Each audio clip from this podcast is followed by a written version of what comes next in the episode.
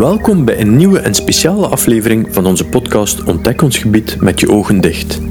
Deze aflevering werd gemaakt door onze partner Natuurmonumenten en zij nemen je mee langs Route Mammoet in grenspark de Kalmthoutse Heide. Door ontgravingen van de voormalige steenfabriek kwamen overblijfselen van wel 2 miljoen jaar geleden aan de oppervlakte. De geschiedenis van het West-Brabantse landschap ligt er letterlijk onder je voeten. Geniet van de podcast. Ik geef graag het woord aan Jabo. Welkom bij Wandelpodcast Route Mammoet van Natuurmonumenten. Mijn naam is Jabbo en samen met Miranda Firet, de boswachter uit dit gebied, gaan we vandaag op wandelavontuur. Ik ben zelf een groot liefhebber van de natuur en vooral van plekken die iets bijzonders in zich dragen, zoals de Meiduinen. Vandaag gaan jullie meer leren over dit gebied en de bijzondere historie die aan deze plek verbonden is.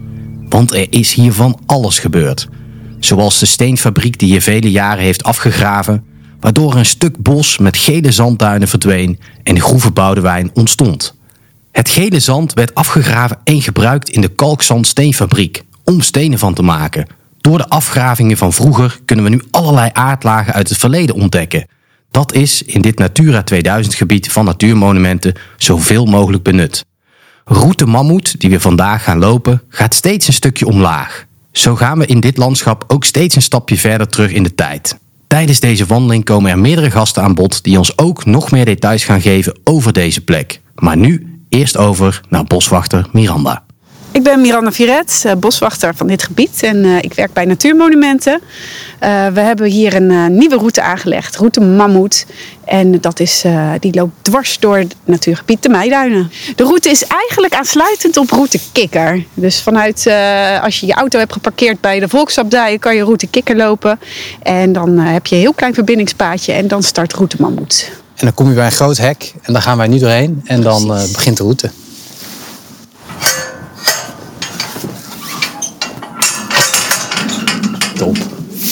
Hoe kunnen we de route herkennen? Ja, je herkent hem eh, meteen aan, uh, aan dat uh, lekkere wollige olifantje. we hebben palen geslagen met daarop een bruin mammoetje. En als je die volgt, dan kom je zo bij alle mooie plekjes in de Meiduinen. En jij gaat ons nu een paar plekjes uitlichten en vertellen die extra bijzonder zijn, toch? Klopt, inderdaad. Dus kom maar mee.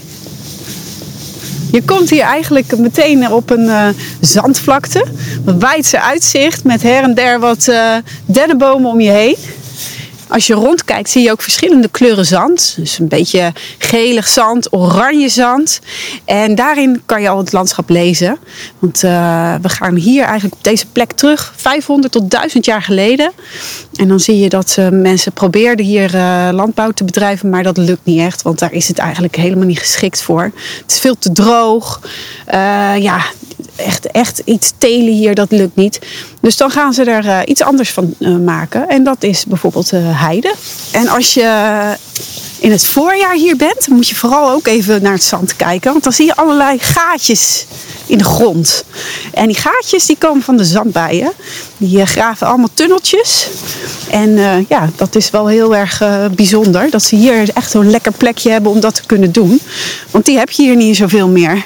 Miranda vertelt ons hier over de zandbijen. Een leuk weetje over de zandbijen, ook wel de aardbeien genoemd. Zij horen bij de groep wilde bijen en vormen tezamen met de hommels en de honingbijen de superfamilie van de Apoidea. Wat de Meiduinen en Route Mammoet zo bijzonder maakt, is de enorme verscheidenheid aan natuur in zo'n klein gebied. Ja, en hier zie je ook wel een heel ander bos. Ja. Het is geen dennetjes meer, maar heel divers loofbos. En uh, ja, dit, dit is wel waar we naartoe willen als natuurmonumenten natuurlijk. Dit is echt supergoed voor de biodiversiteit. En uh, ja, waarschijnlijk is het aangeplant als compensatie voor wat de groeve heeft gedaan hier met de afgravingen. En ze hebben heel veel verschillende loofbomen geplaatst. En je ziet uh, aan de grond dat dat ook, ja, het is niet zo verzuurd. En het verteert ook veel sneller. Dus dit is, uh, er komt hier licht op de grond. Er, zijn, uh, er is ruimte voor insecten. Vogels zijn er dol op natuurlijk. Dus uh, dit is wel een heel fijn bosje. Dus voor de, voor de luisteraar die nu om zich heen kijkt. Dit is, dit is hoe, je als, hoe je natuur zou willen. Zeker weten, ja. ja. En je kan ook hier ook makkelijk eventjes op je gemakje kijken naar de vogels. Eh, we hopen dat de wespendief terugkomt. Die, ja, de naam zegt het al, uh, dolp wespen. Dus hier zijn ook wel genoeg plekjes voor een wespennest. En ja, het allerkleinste vogeltje van Europa is hier ook. Het vuurgoudhaantje. En ja, dat is een heel mooi klein vogeltje. Met een ja, oranje. De mannetjes hebben zo'n oranje streep. En als je die ziet, dan ben je wel echt een bofkont hoor. Die zijn heel klein, heel snel, maar heel mooi. Ik zie wel langzaam nu een soort verandering weer van bos. Wat, wat zie ik hier precies? Of hoe komt dat? Ja, dit, ja, dit is echt dat diverse bos. Dus je ziet ook wel wat uh, meer dood hout liggen. Uh, wij laten de bomen die omvallen, et cetera, die laten we gewoon liggen. Omdat daar dan ook, ja, dat is ook weer een huis of een thuis voor insecten. En daar komen dan weer vogels op af of andere dieren. Dus uh, dat zie je ook wel weer terug in, uh, in het bos inderdaad. Het is wat, sommige mensen vinden het wat rommeliger, maar de natuur is er dol op. Maar je wil ook andere dingen terugkrijgen. Zoals hier bijvoorbeeld. Hier zie je een plekje waar Waar dus heel veel licht inderdaad op de bodem komt. En dan zie je wat struikheiden ontstaan. Dus dat is ja, wel heel mooi om te zien. En dan zie je ook dat hier de bodem dus wat droger wordt. Ja, we lopen nu eigenlijk langs het pad liggen allerlei dode bomen. En die liggen hier dus heel specifiek om allerlei kleine diertjes uh, ja, bestaansrecht te geven. als je zo'n stammetje ziet liggen, dan kan je ook al even kijken van als je heel even de bast optilt, dan zie je gaatjes ontstaan, pissenbedden. En die ruimen eigenlijk uiteindelijk gewoon zo, uh, zo'n hele boom op met z'n allen. Want we zijn dus weer links afgeslagen en we ja. lopen nu richting een ven. Ja, ja dit is inderdaad uh, het tweede ven in de wandeling. Hier staat geen bankje, maar je kan wel even nog uh, kijken natuurlijk. Het is een stuk groter. Maar we hebben hier wel last van uh, een uh, invasieve exoot. Ja. Dat zie je ook wel. Die maakt het water echt. Uh, die domineert het water gewoon. Het is helemaal groen.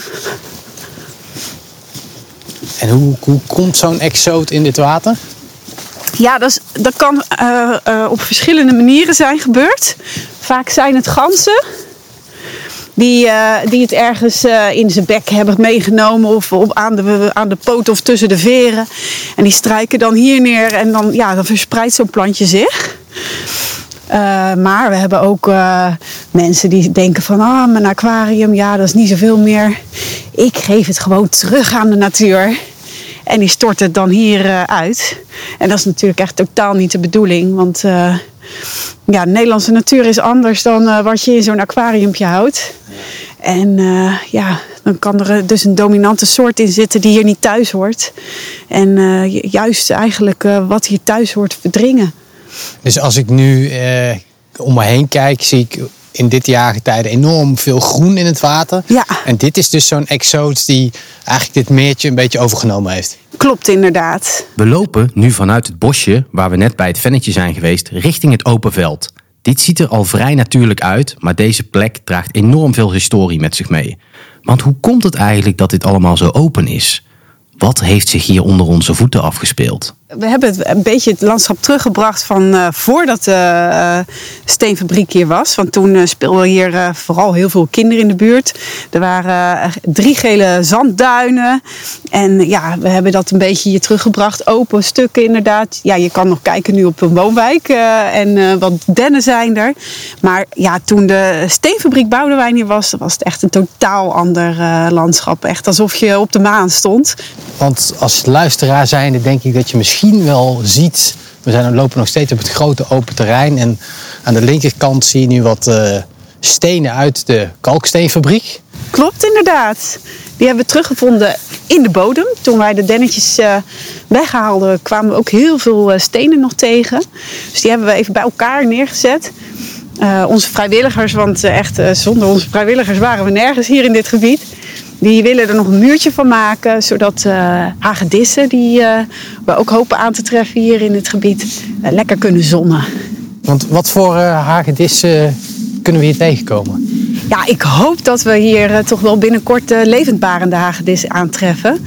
Je houdt echt wel van dit landschap, met zo'n overgang van bomen naar hei. En inderdaad lekkere plekjes om te zonnen.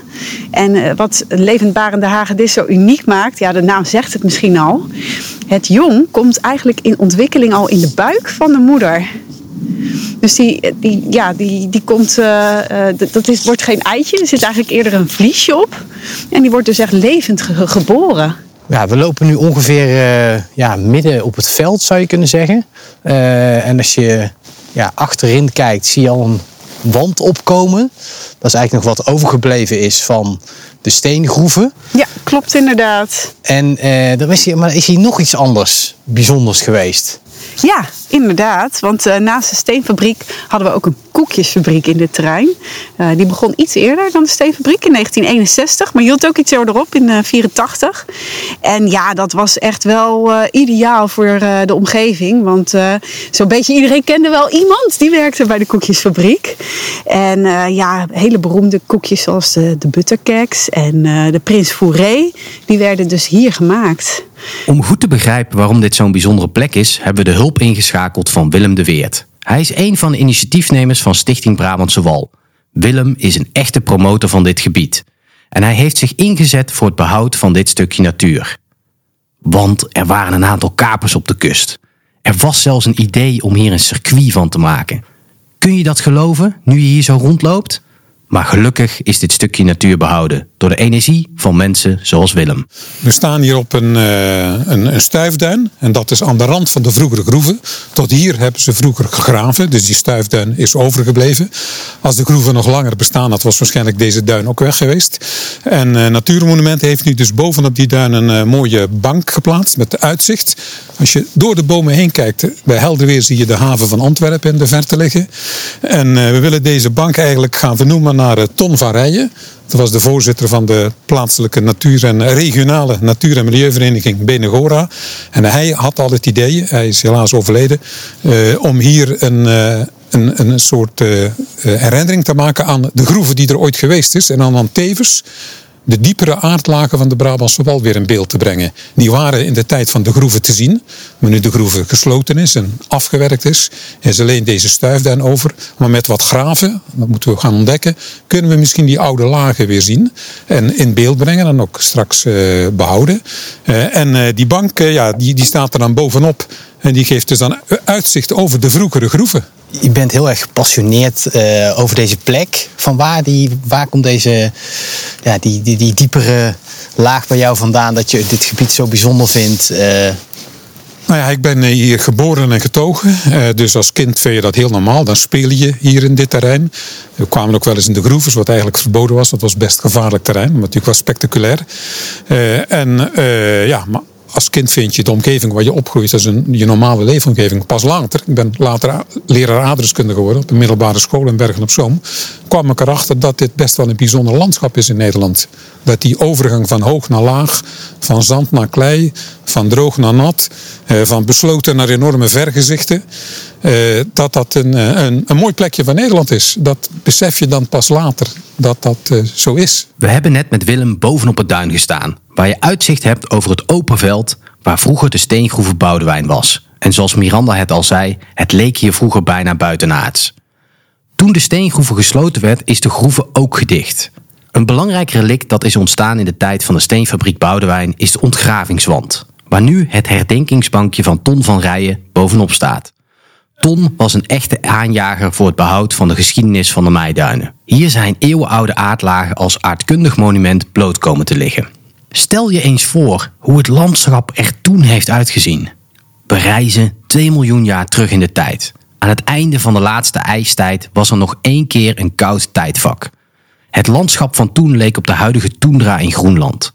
Met wilgestruiken, dwergperken, grassen en korstmossen. Zand uit de Schelde verplaatste zich in de vorm van rivierduinen door het gebied. Over die toendra zwierven kuddes rendieren en misschien zelfs mammoeten. Mammoeten leefden in de laatste ijstijd, tussen 114.000 jaar en 11.700 jaar geleden. Ze stierven uit toen het klimaat warmer werd. In Bergen op Zoon is nog een kies van een mammoet gevonden. Zo'n kies weegt wel anderhalve kilo. Als je dus onderaan het duin gaat staan, kun je verschillende aardlagen zien liggen. Wie hier alles van weet is Kees Kassen, aardwetenschapper en professor aan de Vrije Universiteit van Amsterdam van het departement Earth Sciences. Samen met hem gaan we op onderzoek uit naar hoe oud bepaalde aardlagen zijn. Kees komt hier al vele jaren en is dus de perfecte persoon om mee te gaan boren in de grond. Ik ben eh, Kees Kassen. Ik eh, werkte tot voor kort bij de Vrije Universiteit. Ik ben eh, dit jaar met pensioen gegaan. En ik ben aardwetenschapper, of eigenlijk fysisch geograaf, qua opleiding. En lang geleden ben ik in dit gebied voor het eerst begonnen met onderzoek voor mijn promotietraject in de jaren 80. En toen bestond deze groeven ook al. En die groeven heb ik toen al bestudeerd, die was toen nog echt actief. er werd zand gewonnen voor de kalkzandsteenfabriek. En er waren mooie profielen te zien, tot op echt grote diepte, veel dieper dan wat we nu nog hier kunnen zien. Misschien wel dubbel zo diep of misschien wel drie keer zo diep als wat we nu nog zien. En hier konden we eigenlijk de opbouw van de Brabantse Wal heel goed bestuderen. want de Brabantse Wal is een interessant gebied. Er zitten jonge pakketten, jonge geologische geschiedenis, wat wij jong vinden. duizenden jaren, 10.000 vinden we ook nog vrij jong. Maar hier in de ondergrond zitten ook hele oude kleilagen. En die gewonnen zijn voor de steenfabrieken in dit, uh, in dit gebied. Ook bij Hogerheid had je steenfabriek. En ehm, ja, die waren hier ook ontsloten. En dat maakte dus eigenlijk heel bijzonder dat je relatief jonge lagen had. En eigenlijk hele oude lagen van wel een miljoen of twee miljoen jaar oud. Eigenlijk in één groeve ontsloten. Dus dit is altijd de plek geweest van als ik de mensen de opbouw van de Brabantse wal wilde laten zien. De inhoud van de Brabantse wal. Dan ging ik hier naartoe. En dan liet ik dus die, die verschillende lagen zien. En we gaan natuurlijk zo meteen graven. Ja, misschien. Wat, wat hopen we te vinden? nou, we hopen eigenlijk dat we met een eenvoudige grondboor misschien net de top van die kleilaag zouden kunnen eh, zien. Want die zou ongeveer op dit niveau moeten zitten waar we nu staan, of ietsje dieper misschien. Maar het is een beetje een discussie van ja, hoe diep zit die dan eigenlijk? En zou het mogelijk zijn in de toekomst dat we misschien met een kraantje deze wat afgestorte eh, spul wat hier nu ligt, dat we dat toch vrijmaken, zodat we dat contact kunnen zien tussen het relatief jongere deel en die oudere pakketten. Die hele grote tegenstelling tussen zeeafzettingen in de ondergrond en windafzettingen hier in de bovengrond, dat we dat contact ook kunnen zien. Kunnen proberen, toch? Wil je nog meer weten over hoe die aardlagen zijn opgebouwd? Dan hebben we nog een extra aflevering van Kees Kassen waarin hij uitgebreid vertelt over de boring. Zie de show notes voor een link naar die aflevering of scan de QR-code op het informatiebord bij het aardkundig monument van de afgravingswand. Ik denk dat we met deze boring erbij nu een heel compleet beeld zien. Dus van de inhoud van de Brabantse wal. Waar bestaat de Brabantse wal uit? Zou je kunnen zeggen aan de basis een hele oude kleilaag met nog wit zand eronder. Wat we niet gezien hebben in deze boring. Komt nog dieper. Heel oude kleilaag van 2 miljoen, 1,5 miljoen jaar oud. En dan hebben we een heel groot gat in de tijd. Waarin we niet zo heel goed weten wat er gebeurd is. Maar waarschijnlijk vooral erosie. Er heeft misschien nog wel materiaal bovenop die kleilaag gelegen. Dat is waarschijnlijk verdwenen. En dan vinden we soms nog wat kleine grintjes terug aan de top van de kleilaag. En daarna zitten we in de laatste ijstijd en dan krijgen we dus dat bodempje van dat dennenbos. En we krijgen die zanden die uit het Scheldedal zijn opgewaaid. Ook nog in de laatste ijstijd. En dan komen we dus in, de, in het bovenste pakket de huidige warme periode met ja, eigenlijk stabiel landschap. Behalve als de mens te veel gaat, gaat, gaat werken in dat landschap, te veel gaat akkeren in dat landschap, ja, dan krijg je verstuivingen. Met de eerste verstuiving rond 5000 jaar geleden en de laatste verstuiving ongeveer vanaf 1000 jaar geleden tot, tot vrij recent, tot misschien 100 jaar geleden. Dus Miranda, als we dit zo horen, kunnen we, zouden we dan kunnen zeggen dat deze boring geslaagd is? Ja, ja, het geeft wel echt een heel duidelijk beeld van hoe, uh, hoeveel geschiedenis er onder je voeten zit. En zo dichtbij eigenlijk. Dus uh, ik ben heel blij om uh, te zien dat dit eigenlijk zo dicht onder het oppervlak zit. Nou, nu kom je weer uit op de zandvlakte, waar we zijn begonnen. Hier eindigt route Mammoet en kan je weer eh, de route Kikker terugpakken naar de parkeerplaats eh, bij de Volksabdij. En uh, ja, ik vind het dan altijd wel lekker om even een kopje koffie te drinken en even bij te komen van de wandeling. Je kan er ook naar Putsmeulenke, ook erg leuke plek om even te stoppen. En eh, dan hoop ik jullie eh, misschien wel een keertje in het echt te zien hier eh, in de Meiduinen. Mocht je hele mooie foto's hebben, tag mij dan op Instagram. Want ik heb gewoon een Instagram pagina, Boswachter Miranda. Dus zoek me maar op. En je kan meer informatie vinden in de show notes. Bedankt voor het luisteren naar deze podcast. Wil je meer informatie? Kijk dan op www.natuurmonumenten.nl slash Brabantse Wal. Deze podcast is mede mogelijk gemaakt door UNESCO Global Geopark Schelde Delta.